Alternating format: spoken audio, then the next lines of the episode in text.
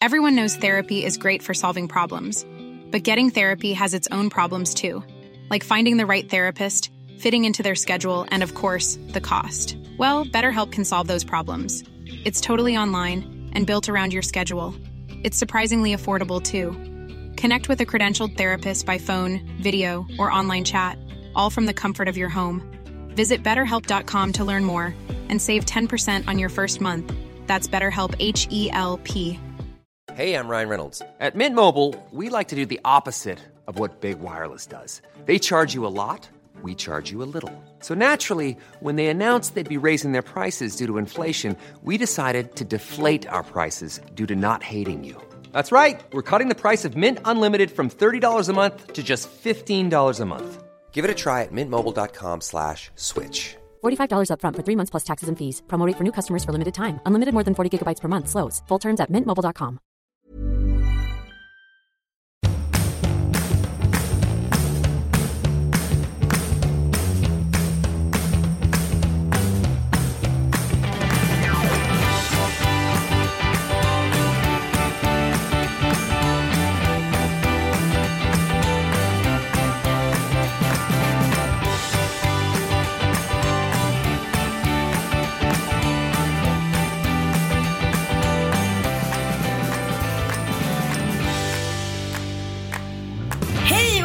välkomna till eh, Lille Lördag. Vi kör lite eh, geografiskt avstånd även den här gången. Ja. Sist var Maldiverna, nu är det Gottis. Jag saknar dig Ann. Det känns som det var alldeles för länge sedan vi sågs.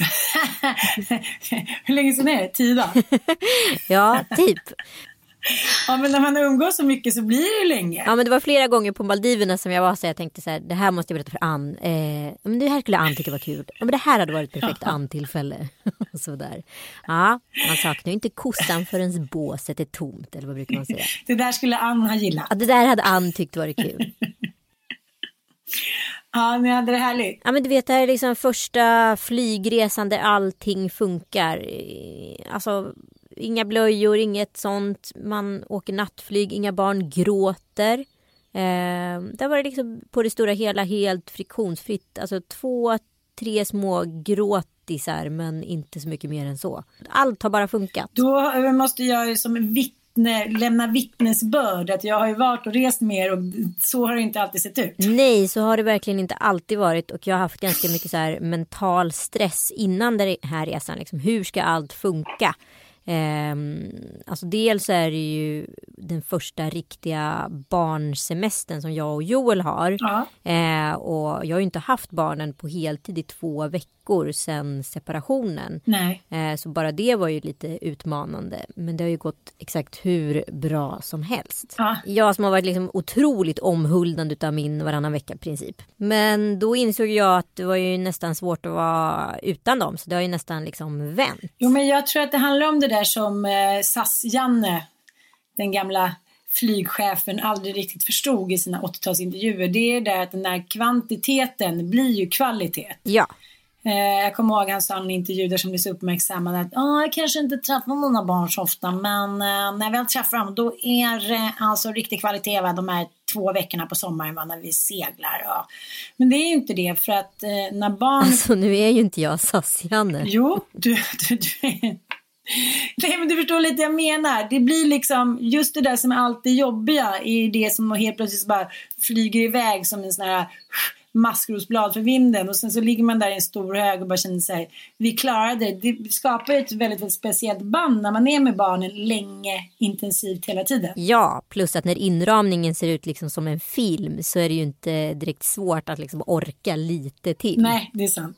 Det är inte lika roligt en, en, eh, en lördag i november. Nej, precis. Och sen komma hem liksom och möta sommar-Sverige var ju helt ljuvligt. Att kunna ha på sig så samma kläder som man hade där nere och bara gå rakt ut. Det, det är helt galet. Ja, men som igår kväll. Vi sitter liksom ute på balkongen och käkar middag och går ut i parken. och Ingenting skaver ju liksom. Så ska du ut i parken så går du liksom rakt ut från din dörr. Om du ska ut eh, till parken på vintern och åka pulka så krävs det liksom skalplagg och det blir liksom ett projekt av det. Nu går du bara rakt ut barfota. Det blir liksom aldrig ett projekt. Och det gör ju att man blir en ny människa. Ja, så är det ju. Mm.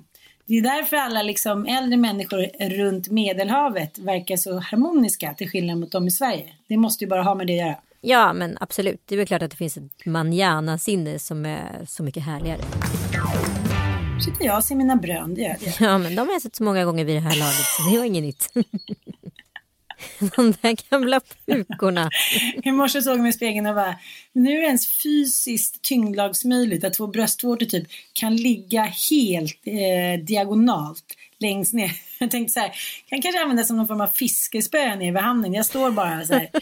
Ja, måste, vet inte vad jag ska göra. Nej men det är så härligt på Gottis. Det är värsta högsommarvärmen. Det är 28 grader nere på eh, på verandan. Vi har gjort ordning här uppe på lilla italienska balkongen. Det börjar bli riktigt trevligt här. Ja, för sjutton vad nice det såg ut. Jag fick ju en liten mm. visuell house tour eh, via ja. kameratelefonen så att säga. Ja, jag la också ut på Insta stories igår. Oh ja, oh ja den har jag sett. Ja.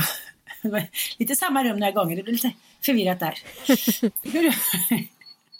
Nej men det är härligt. Jag har ju varit här med Sverigesarna. Ja. Eh, jag, Ossian och Bobo eller och Frasse åkte tisdags och sen kom Sverigesarna på onsdagen. Och de åkte igår. Har det gått bra? Ja men det har gått bra men, men eh, de är ju intensiva. Nej, men min nya tes som jag ska ta upp med dig det är att antingen så blir de liksom så intensiva och maniska och tänker så här, det här kan bli the last days of disco. Eller också blir de tvärtom. Att de så här, går in i så här, tristess, bitterhet, ångest, Förstår du? Ja, och mina föräldrar som eh, liksom är i en fas där man eh, fortfarande kan vistas i hemmet men knappt höll jag på att säga. Eh, man klarar sig med lite stöd från hemtjänsten. Där man liksom inte har gått in i vårdtung än. Där kan man ju liksom prata om att man är högintensiv och hopplös i samma kombo. Mm, mm. Den är inte helt eh, lätt att tackla måste jag säga. Nej men jag tror på det där att ha att ständigt ha ett projekt, att känna sig behövd. Här har det ju varit fullt upp såklart. Du vet allt som ska, ja men Family Living var här på låtade omslag och sen ska allting fixas och så tänker man så här, men gud nu vill jag att det ska vara fint, nu vill jag ha ditten och datten och köpa blommor och bla bla bla. Eh, så det blir ju liksom högintensivt på alla sätt och så har man med sig barnen Eh, och de får hjälpa till och hit och dit. Men sen precis när man känner sig, men nu är klockan typ så här nio. Nu börjar barnen bli lite trötta. Vi har grillat, det har liksom varit igång sen sju. Då ökar de. Då ökar de. Då är det så här, okej, okay, vad ska vi prata om nu? Man bara, helst ingenting. och sen var så här, snälla kan inte ni bara, mamma kan du gå upp? Kan jag få sitta lite själv i vardagsrummet? Jag var så här, jaha. Ja, ja. Alltså så här, inget behov av att vara själva. De är ju själva så mycket. Så varför skulle de vilja vara det nu? Ja, Alltså en person som eh, är ensam kanske inte har den här liksom, naturliga orienteringsförmågan som en eh, familj har i Nej. samkväm eller vad man ska säga. Eh, där kan man ju liksom gå in och ur varandra utan att det så här eh, skaver. Alltså det kan man ju liksom bara gå till sidan om man vill vara själv och det är ingen grej och sen eh, går man in och är en del av gruppen igen när man känner för det. Eh, och det behöver inte vara ett statement på något sätt under tiden en person som kanske inte är van med det är mer så här Va? Ska vi inte umgås nu? Ja, ja, Ska ja. vi umgås? Är det något fel på mig? Har jag gjort fel? det blir också så väldigt eh, eh, uppenbart och väldigt tydligt eh, att Mattias är lille Tommy, sin pappa. Nej, vad roligt. Berätta. Vill jag berätta? Det vet jag inte. Vill du berätta? Har du en Valium?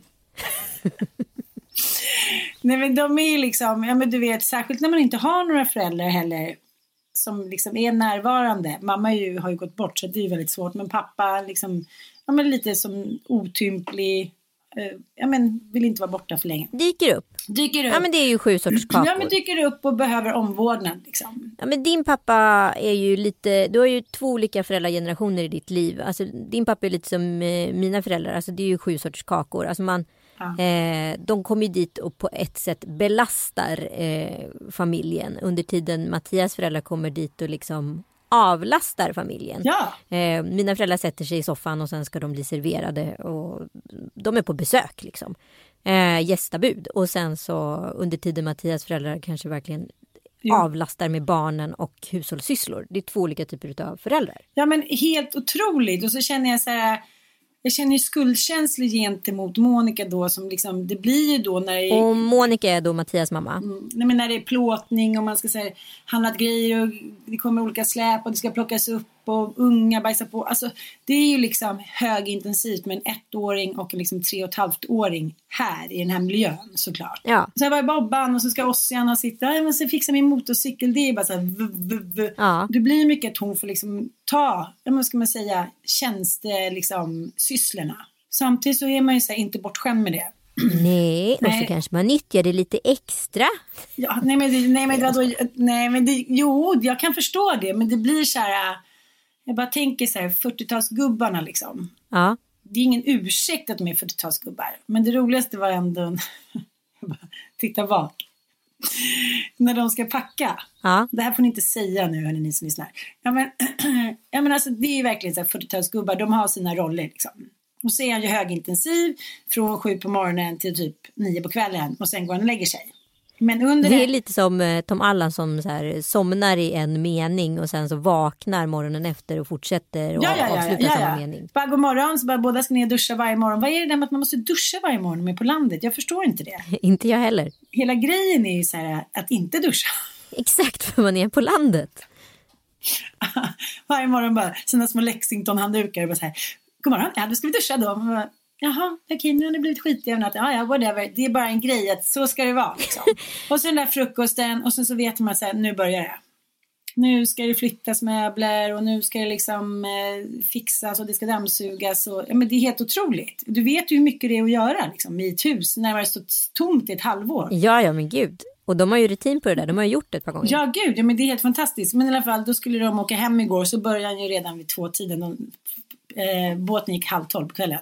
Vid två började han så här, okej, nu ska vi se här om vi har packat. Och det är åtta timmar kvar, vi kanske kunde åka på en utflykt. Nej, vi måste vara beredda här hemma nu inför vi ska åka iväg. Och så här. Då börjar han liksom stressa. Ja, såklart. Ja. Så blir det skitjobbigt. Men då känner jag så här, de måste ändå få höra, det kan inte vara en ursäkt att de är uppväxta sådär resten av deras liv. Look around. Det finns ändå så en modern värld. De flesta har anpassat sig förutom 40-talsgubbarna liksom. Ja, men är- jag är inte ens säker på att de ens går att rädda. Förstår du? Nej, men det är det jag också har insett. Går de ens att rädda? Men det som, det som jag märker att de är så lika på det är att liksom, nu kommer ju Mattias hit efter fem dagar och har varit hemma. Vi har liksom levt vårt liv här. Det har varit bra stämning, det har varit liksom intensivt, mycket att göra, bla bla. Sen kommer han och då börjar han liksom foka på så konstiga grejer som man är så här, okej, eh, jag ringer en eh, tysk shrink direkt som måste flyga över dig till något så här schweiziskt labb och typ så här lobba din hjärna. Nej men, nej men då är det så här, helt plötsligt så var vägen för nära. Mm, han skulle grilla igår. Var vägen för nära? Ja, nej, nu, hur skulle man kunna göra någonting? Jag bara, det kan bli svårt. Kan vi, göra så? vi kan flytta huset, flytta vägen. Det finns inte så många alternativ. Nej, men det var så mycket och det var tomten och skulle du göra så med de där, eh, och, alltså på ett helt hysteriskt sätt. Jag tänkte man kanske bara kan sitta och ta lite lugnt eller hänga med sina barn. Du vet med den här blicken. Vansinnesblicken. Mm, ja, han var så mycket uppe i varv. Och sen det som de är så lika på är att de kan inte förhålla sig till sin egen sfär och sin egen energi. Utan de är inne och geggar överallt. Gegga, gegga. Jaha, nu var du med i vår sfär när vi precis var satt här. Och sen spelar det inte så stor roll om någon är intresserad av att ha dem i den sfären eller i den liksom lilla klustret. Utan det är skiten, de bara gafflar på. Förstår du vad jag menar? Mm, jag förstår. Men eh, dels så finns det, ett, eh, det finns ett dubbeldilemma här. Dels har ju Mattias varit hemma och tagit det lugnt. Och är, är chock, chockskadad när han kommer och bara så här. Pappa, pappa, pappa, pappa. Ja. Då har han varit hemma och tagit det lugnt. Men då vill han bevisa för dig att han är med i matchen. Eh, Men ni har ju liksom redan hittat eran lugn. Ja. Ni har ju satt den. Och det där som ni var med om första dagarna på Gotland när det var Styrso, den, har, den är ju förbi. Men där i kommer ju han. Ja. Då kommer ju han dit med den hetsen, alltså typ storstadshetsen eller vad man ska kalla det. Mm. Så ni är ju redan i otakt. Det där scenariot händer ju jämt man är liksom ute och reser. Man har liksom skaffat sig en egen takt och så kommer man hem med den takten. Eh, och i hemmet eller dit man kommer så är det en helt annan takt. Men sen är det också, även om man så här, ibland lite, blir irriterad på varandra så är jag så jävla glad att de är där. De är ju underbara Sverige, de hjälper till, de köper så liksom, man får presenter de älskar barn. Man märker verkligen att de lever upp. Men sen så kommer ju eh, Mattias, då blir han 16 år igen. Så då funkar det inte. Då blir det direkt. Såklart. Men du blir ju också 16 år när du hänger med din pappa. Vi var ju och käkade lunch för ett tag sedan på Brillo. Han är så jobbig. Och du gick liksom och sucka och pusta och betedde dig på ett sätt som bara Ja, ett man- barn kan göra till en förälder. Och apropå det så Jaha. fick jag faktiskt en pinsamhetsattack utav Jaha. min dotter. Jaha. Min numera sjuåriga dotter. Ja, det hände för första gången på riktigt. Eh, och inte den här spelade skammen utan den här äkta, genuina skammen som verkligen kommer inifrån och gör ont. Ja, ja. Eh, vi eh, tog bussen till långtidsparkeringen eh, på Arlanda när vi kom hem och eh, ja, lång historia kort så gick det till så att Joel klev på bussen där bak med väskorna och jag gick på med barnen där fram. Eh, och då eh, ropar jag till Joel för det fanns en plats ledig. Joel, Joel du kan, du kan komma hit, kom, kom hit, kom hit och du kan sitta här. Då ser jag liksom hur Penny bara så här sjunker ihop. Eh, och jag bara, vad händer? Hon bara, mamma, vad är det? Mamma, sluta prata så högt, alla kollar. Det var det här tantapinsamt. Det var tantapinsamt. Där, där gick du över alla gränser Det var liksom typ första gången jag insåg att jag själv var generande. Utifrån ett Det barns hela tiden. Ja, men man är ju så obrydd. Man är så extremt obrydd. Det var första Ja, ja. gången jag insåg att jag är liksom jättepinsam utifrån hennes liksom, perspektiv. Det där kanske inte var det mest flagranta fall jag har hört sedan jag föddes 1902. Nej, men man ser ju den Ja, här ja. liksom Ja. Första tröskeln som sen kommer bli många, många flera. Till den byggs upp någon sån extrem pinsamhetsnivå som på något sätt exploderar där runt 14 års ålder när man inte ens kan stå ut med den här vuxna individen under samma Men, tak. men det är ändå, jag tycker fortfarande att det är chockartat. Som när Ossian sa, så här, men jag, jag, jag vill liksom göra skillnad på skolan och det privata så jag ser inte gärna att du kommer dit och tar över hela skolan. Jag bara, va? Jag smyger bara in typ. Bara, Du kan inte smyga han bara, okej mamma, det har jag aldrig sett dig göra förut. Då var jag säga, men gud, för han är ju stolt över mig, det vet jag ju. Och liksom, det är, ja men är vi kompisar och vi kan gå på stan och hit och dit. Så var det inte för några år sedan, men nu är det så. Men, men just det där att, liksom, att jag ska ska stövla in på skolan och så här, Exakt, men det är så han ser det. Vi gjorde ju den här tv-serien Mammor eh, för TV3 och då gjorde vi ju en eh, sketch eh, som hette Tonårsperspektivet. Och där man såg det utifrån tonåringars perspektiv. Så det han ser är ju liksom hur du kommer liksom ut, Ja. rullar Ja. in en röd matta och du kommer in i en liten bodysuit med en eh, topphatt och en, och en käpp och det är liksom en storbandsorkester som står och blåser och du väl så. trampar dig fram så. där genom publiken. Nej men det är härligt. Vi, eh, det är också lite så när man bara har med sig en tonåring så blir det ju väldigt liksom speciellt. Han, han får ju någon sån här missnöjesorkester en gång per dag när han tycker så här. Okej det händer aldrig någonting, vi kommer aldrig vidare. Det är hans motorcyklar och fyrhjulingar hit och dit. Och då får man säga, ja då får man släppa allt och ta sig lite tid. Och då gjorde vi det igår. Har du åkt med igen då? Nej. Den är i paj nu också. Gud vad skönt. Det är fortfarande det vi pratar om här på kvällarna när du åkte med oss igen på motorcykeln. Världens, världens modigaste kvinna kom tillbaka som ett vrak. Ja, herregud. Ja, men då skulle vi åka bil i alla fall. Och eh, ja, men du vet, fick lite feeling och så här, åkte helt fel och hamnade liksom inne i en skog på en strand och bara så här, var borta i typ två timmar. Men, men något som händer som är så magiskt det är när man bara är iväg så där med sitt äldre barn som liksom kanske inte bara så här bla bla bla. Det är att man börjar här, prata om livet. Det är väldigt, väldigt, väldigt häftigt att jag så här, jag har en kille som fyller 16. Ja. Mm, han bara så här, visar tjejer han tycker är snygga och så här, modellkonton och ja men du vet så här. Gud vad roligt. Åh, Ja, storis. Ja, han är så fin. Ashton Kutcher. Ashton Kutcher. De är så lika. Jag vet, hur gick det till? Nej, inte fan vet jag.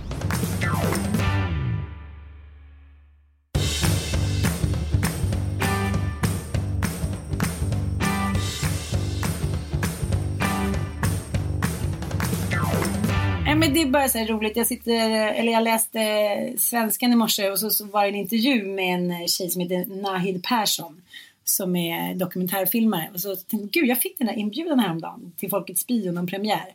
Och den heter eh, Anders, jag och hans 23 andra kvinnor. Aha, Ja, och hon var så här, ja men det, hon är född 1960, hon började närma sig liksom 60, hon har kommit från Iran, skilde sig från sin dåvarande man, gifte sig med eh, Torbjörn Persson, de var gifta i 22 år och sen så bara, du vet, blev hon liksom ensam i villan med en tonårsdotter och var så här, jaha, vad gör man nu då liksom? Och då sa hennes dotter, men du får gå med på Tinder då. Så då skrev hon någon sån här, ja, Nahid 57 år, skild, tre vuxna barn, du liksom jag glad och positiv i humor, bla bla. Vill ha en seriös relation. Och så var hon på massa dejter och så tänkte hon precis ge upp så träffade hon då Anders. Eh, och han var så såhär, så, du är snygg, charmig, rolig, varm och närvarande som hon beskriver honom. Och så gick de eh, på en väns 60-årsfest och då var han med. Och, ja men det var så här, de var ju ett par nu liksom. De låg ju hit och dit. Och sen så la han ut på sin Facebook då en bild och då hade han så här, klippt bort henne. Nej. Hon var så här, ja, lite sårad ändå. Så här. Ja, men märkligt att vi var på liksom en fest och så här, men bara du är med på bild. Och sen börjar det liksom hjärtan och gud vad snygg du var på bilden och bla bla bla. Hon bara, fan vad märkligt att det är så många kvinnor som är så här, tycker han är det hetaste liksom, hanen i stan typ. Så då ringde hon upp en av tjejerna och bara så här, hej, jag heter Nahid och uh, jag är tillsammans med Anders. Liksom. Hon bara, nej, det är du inte, det är jag typ. Sen visade det sig att han hade 23 kvinnor samtidigt. Oh wow, mm. vilket heltidsjobb! Ja, nej men det var ju det hon också tänkte, hur är det ens möjligt? Och i början var hon jätteledsen och jättechockad men sen så bara gick hon och hämtade sin kamera så nu har hon gjort en dokumentär om med hans relationsmissbruk och varför det har blivit så. Man vet fortfarande inte om de är ett par fortfarande, hon vill inte avslöja det. Men jag bara känner så här, hur är det ens möjligt? Jag tänker så här, att ha en tycker jag är jobbigt. Men gud ja. ja. Men jag tänker så här, om man inte lägger så mycket tid per person. Om, jag minns själv när man var ute och dejtade liksom. Om man inte lägger så mycket tid per person så kanske det skulle gå att åtminstone uppnå tio. Men det känns ja, ändå som ett jävligt 23. övermäktigt projekt alltså. Ja men så bildar de en sån Facebookgrupp där det var ni kanske också är drabbade. Som en liten sån mini-metoo-rörelse. Han kallar det för ett relationsmissbruk. Jo tack. Ja, jag benämnde ju det i min bok.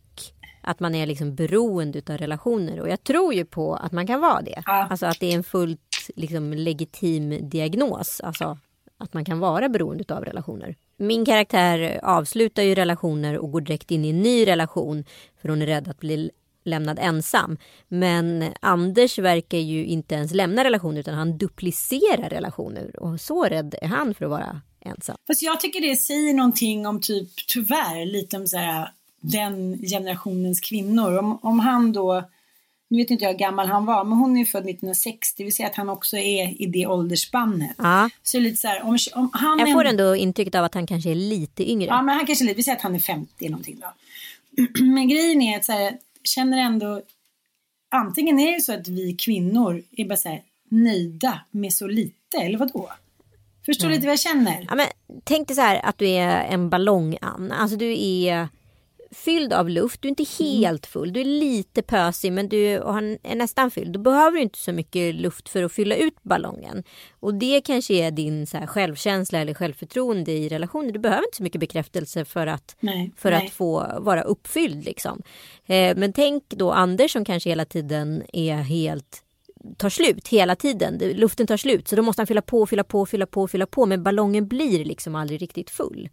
Så jag tänker att kvinnor eller vissa personer kanske inte behöver så mycket luft för att fyllas ut som andra. Så du känner att det kanske inte alls är så könsrelaterat som jag vill göra gällande? Att det är så här, Ja, okej, tack så mycket och nu hör den av sig till mig. Jag fick äta middag en gång var tredje vecka liksom. Nej, jag vet du menar inte, att det är så här, men gud, jag är skitnöjd med det här och bara träffa honom. Men då spelar det ingen roll om man hade 23 andra kvinnor. Nej, eller jo, ur liksom ett kristet perspektiv som vi då har valt att se världen i och med att vi lever man och kvinna i någon form av monogami och det är själva standardlösningen för relation så är det ju felaktigt agerat av Anders, ja.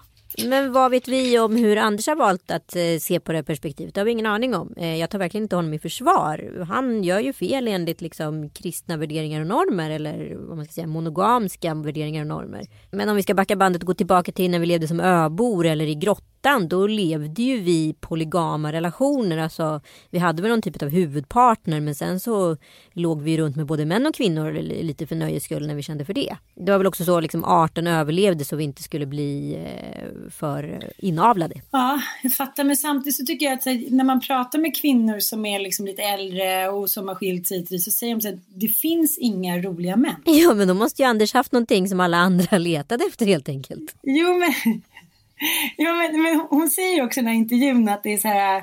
Eh, ja, men här ser man ju bild på honom. Hur gammal är han? Ja. 52 kanske. Ja, men lite så här David Beckham, en sämre David Beckham-kopia typ. Ja, Med lite långt hår. Ja, lite, run, lite runar. okej. Gud, Anders, Anders hade 24 flickvänner, det är ändå genialiskt. Nej, men hon säger det själv att liksom, de intellektuella männen som hon har sökt sig till är så jävla ängsliga när de blir äldre för att göra fel och de ska analysera allt och blir det verkligen bra? Mm.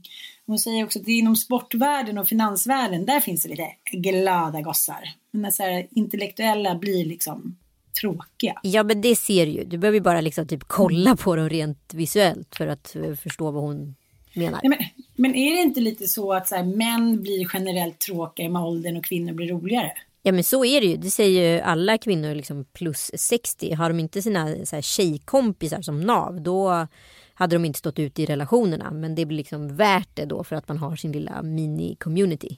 Det är ju de som motiverar en att åka på de där golfresorna eller eh, vinvandringarna höll jag på att säga. För snubbar blir ju tråkigare, så är det bara. Åk du bara, åk du bara. Det tycker jag också är så här, en, en rolig myt som män har kring sig själva. Att så här, de tror att vi blir så ledsna när de ska åka någonstans. Ja, ah, då kommer du, då kommer jag få igen det och är det okej? Okay? Man är så här, va? Har du varit borta? Ja, du är tillbaka. Jag menar inte så, men det är klart att man längtar och tycker att det är härligt. Men som kvinna tycker jag, i vår sfär i alla fall, så fyller man ju sitt liv så jävla mycket ändå. Ja, ja men det gör man ju. Det är inte så att man så här, sitter och väntar på att den andra säger utan dig kan jag inte göra. Jag smäktar inte med.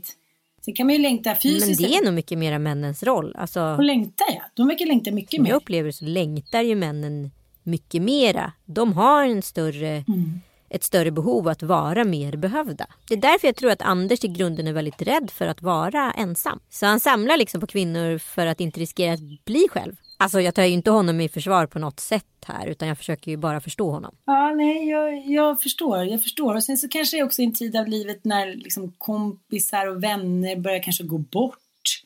Eh, man kanske inte liker, man inte samma karriär att prata om. Det är så här, man vill fylla någonting och då är man så här, gud, det var någon som var glad och härlig. Woho! Man kanske inte ställer samma höga krav. Man kanske bara vill ha lite närhet och skratt. Typ. Absolut. Nej, men jag har själv väldigt många liksom, tankar och funderingar kring liksom, tvåsamhet och relationer. Det vet väl alla som lyssnar på podden. Och när jag själv liksom fick barn varannan vecka så kände jag lite så här. Eh, alltså det här kanske är lösningen på allt. Den nya tvåsamheten. Det kanske är så här det, här, så här det ska vara. Det här kanske är liksom det nya förhållningssättet i, för familjen. Att ha barnen varannan vecka. Hitta en lösning som funkar för att inte liksom utmatta varandra. Så det har liksom varit ett liksom stort kval inom mig men det har faktiskt reviderats i och med den här semestern. Alltså jag älskar barn men jag har verkligen haft en liksom stor eh, alltså Mm. ångest och liksom diskussion med mig själv. Att kommer jag palla att ha ett barn mellan ett och tre år en gång till? Jag var ju per definition färdig. Men jag har lidit liksom ganska stora ju- kval ja. och val. Jo, jag vet. Du har kommit med några både sämre och bättre lösningar på problemet som vi kan- kanske inte ska ta upp här. Jo, absolut, det kan vi göra. Jag har till och med liksom spekulerat med tanken på att eh, den kan du skaffa barn med en annan person sen komma tillbaka till mig. Och, ja, den kanske inte var helt optimal. Den är så dålig. Och den hade du också liksom fått lite medhåll hos en annan väninna till oss. Då tänkte jag bara säga, jag håller bara med och sen får det här vila några veckor och sen får jag bara säga hur sjukt hur sjuk idén var. Men nu kan jag säga det, för nu har ni bestämt att ni ska försöka få barn. Men det är liksom kommit till den här punkten när det har gått över för att här, Tom Allan var ju ett extremt jobbigt småbarn. Ja. Alltså han hade ju liksom allt från kolik till vakna klockan fyra och fem i två, tre år liksom. Eh, och eh, nu har det ju liksom vänt och jag har verkligen haft stor panik för att ens våga vidröra tanken på att skaffa ett barn till efter honom för han tog, alltså det var nästan ett trauma liksom. Jag har verkligen känt så här, det kommer inte ske, jag kommer aldrig göra om det här, det kommer bara inte hända. Men eh, nu eh, är jag förbi pucken så nu känns det som att nu ska vi köra på, satsa på det här. Jo, men jag var ju tvungen att gå igenom det här i huvudet för att liksom landa här på andra sidan och kommit fram till att det vore väl faktiskt ganska mysigt med en eh, liten på heltid trots allt. Va? Va? Eh, bröllop brukar funka. Nej men så får man väl bara liksom hoppas att naturen vill väl och jag blir ju 40 som sagt så det är bara att hålla tummarna Nej, på att men- det faktiskt funkar. Jag tror inte att du behöver. Ehm, ja, så helt enkelt. Men det där är ju ett problem att många tänker att de ska vänta och sen blir det svårt. Liksom. Ja. helt klart. Men, men det är lite att vi ska framställa att det är en sån himla sensation. Det är ju så här, vissa kvinnor är mer fertila, har fler ägg. Jag har ju massa ägg för att jag har varit gravid så länge och ammat så länge. Så de, jag har ju massa ägg kvar, det är inte jättekonstigt. Och så länge jag har mens så kan jag bli gravid. Det är inte så här, alla vill framställa det som att det här är någon helt ny era, att människor får barn när de är liksom lite äldre. Så har det ju varit i alla jävla samhällen, bondesamhällen, bara att man inte riktigt kanske har pratat om det. Nej, men så har det faktiskt varit. Men sen kan det också hänga ihop med biologin att vi faktiskt blir äldre och då måste väl också mm. eh, fertiliteten hänga med i den utvecklingsfasen. Jo, jag vet. Men det tragiska och det sorgliga i hela kråksången är ju att eh, det är så här värsta fors forskningsalarmen om att männens spermia är typ så risig och har halverats på 20 år. Va? Varför då? Ja, på, men de vet inte. Men de, den enda tolkningen de har än så länge, nu håller de ju på att forska på det, det är ju miljön. Liksom. Är det sant? Att spermierna påverkas så mycket av liksom, utsläpp, eh, kanske inte att man har hårt sittande kalsonger, men, men maten, ja, omgivningen och allting. Men alltså spermierna har på 20 år halverats och blivit så sjukt mycket sämre kvalitet. Och inte bara liksom de äldre utan så här, även killar som är 14-15 år. Oj, chockerande. Men det betyder alltså att det finns liksom en form av jämställdhet i IVF-världen. Att det inte bara mm. är kvinnorna mm. det är fel på, vilket gärna utmålas liksom, eh, som vanligt när det kommer till eh, just eh, fertilitet. Ja, jag vet. Men så vadå, så nu ska du ta ut din spiral nu? Ja, jag ska ta ut den om ett tag. Mm. Mm.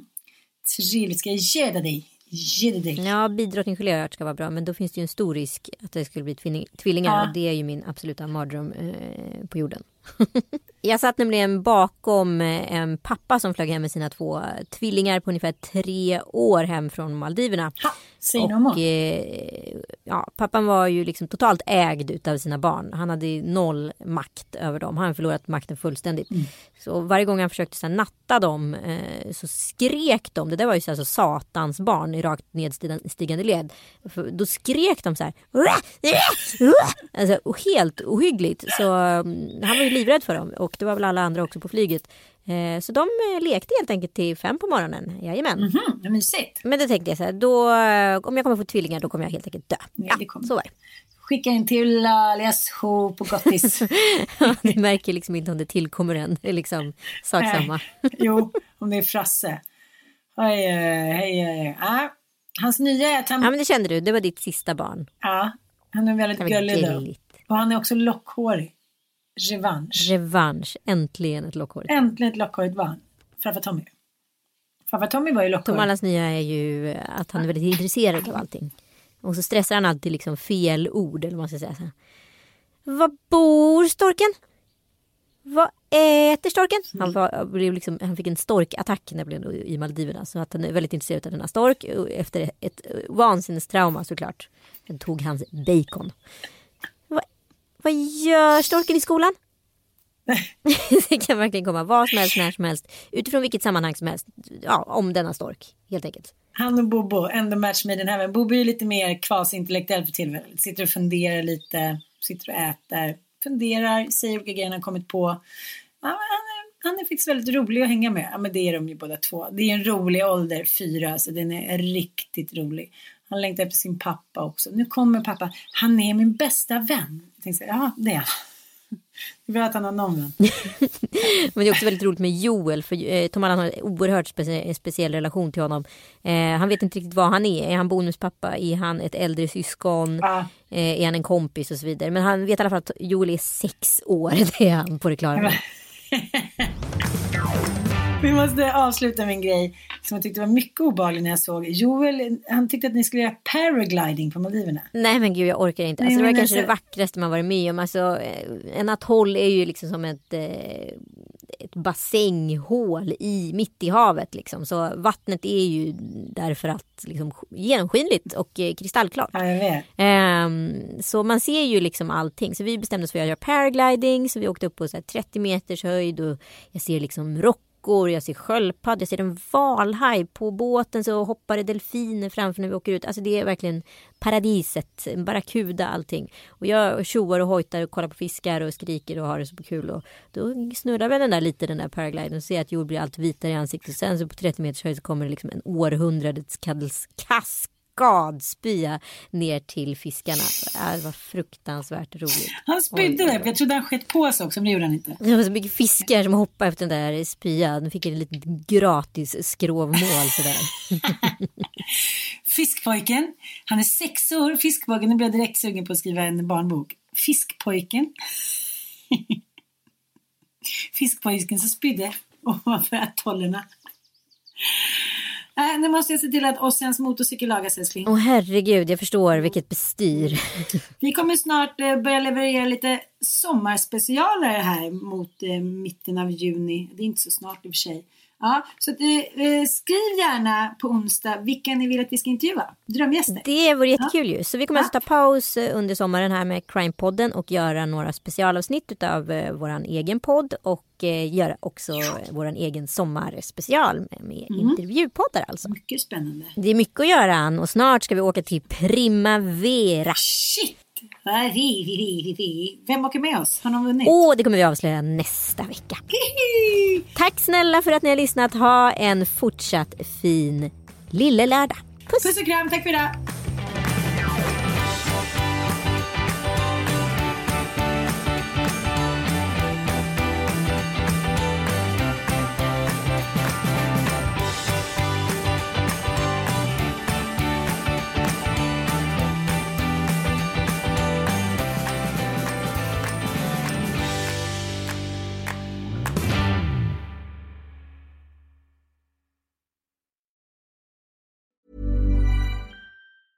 Okay, I have two new obsessions that I need to share with you. Impress No Glue Press On Manis and Impress Press On Falsies Lashes. Trust me, these are getting ready game changers. Both require no glue, so there is no damage to your natural nails and lashes, no mess, and no annoying dry times. Just one step and you're done. Boom instant glam. Visit impressbeauty.com slash presson and use code PRESSON25 at checkout for 25% off Impress manicure and press-on falsies. Planning for your next trip? Elevate your travel style with Quince. Quince has all the jet-setting essentials you'll want for your next getaway, like European linen, premium luggage options, buttery soft Italian leather bags, and so much more. And is all priced at 50 to 80% less than similar brands. Plus, Quince only works with factories that use safe and ethical manufacturing practices. Pack your bags with high-quality essentials you'll be wearing for vacations to come with Quince. Go to quince.com/pack for free shipping and 365-day returns.